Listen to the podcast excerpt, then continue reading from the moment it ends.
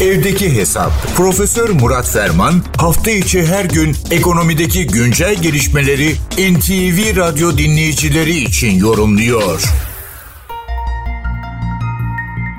Geçen hafta depremlerin seneyi devriyesi elbette hepimizi yürekten yaraladı, tekrar acıları tazeledi.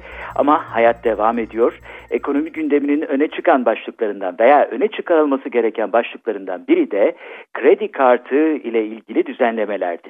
Nitekim Cuma günü Finansal İstikrar Komitesi apar topar toplanarak bu konuda anlaşıldığına göre bir takım çalışmalar gerçekleştirmiş ve enflasyon görünüm raporu sunumunda Perşembe günü de Başkan, yeni guvernör bu konuya önem verdi.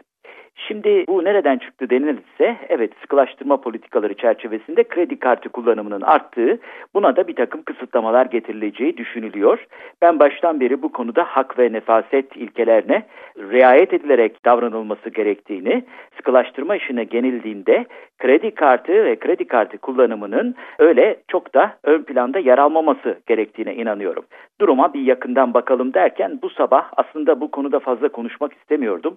Çünkü tam geçtiğimiz günler içerisinde iki gün içinde dört ayrı programla sosyal medya mesajlarıyla bu konudaki fikirlerimizi belirttik. Hak ve nefaset yani her iş bitti de iş kredi kartına mı kaldı denilebilecek bu basit ifade arkasında tabii kuramsal temeller var. Tam bunları düşünürken bu sabah ekonomi gazetecisi, değerli bir çalışkan bir gazeteci Mehmet Kaya'nın bir haber başlığı yeniden bunu uyandırdı. Bugün son defa bu konuyu konuşayım diyorum.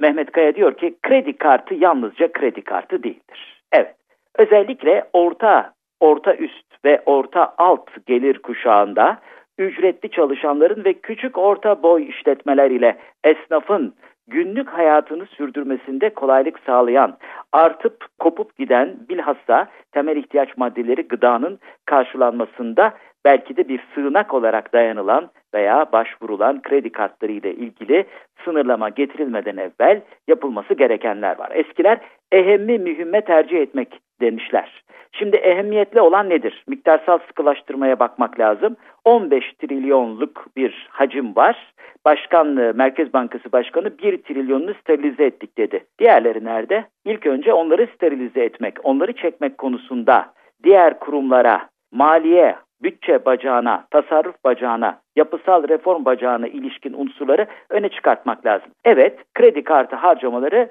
artmış gözüküyor. Ama bu harcamaların içerisinde enflasyonu şişirici etkisi var. İnsanlar keyiften daha fazla harcamıyorlar. Gıda fiyatlarının bu artış oranları ortadayken elbette günlük ihtiyaçlarını karşılamak, maişet motorunu çevirmek için özellikle orta kesim buna güveniyor. Kobiler ne yapıyor? Kobiler de buna güveniyor.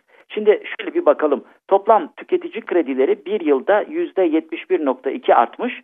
Bireysel kredi kartlı borçları %154 artmış. İki katı değil mi? İlk baktığınızda evet buna bir çare bulmak lazım, bir sınırlama getirmek lazım. Şimdi rakamlara bakalım. Toplam tüketici kredileri bir yılda %71 artmış ama geçtiğimiz sene itibariyle hacmi 2.8 trilyon. Bireysel kredi kart borçları iki misli artmış %154 ama tam yarısından da aşağısında 1.2 trilyon. Demek ki rakamlara bakmak lazım. Kredi kartı borçlarından bahsederken 400 milyon kart olduğunu, bunun sadece 117 milyonun kredi kartı olduğunu, 190 milyon kartın banka kartı olduğunu, bunun biliyorsunuz karşılığı yoksa bir kuruşluk alışveriş edemiyorsunuz. Şimdi sıkı duralım.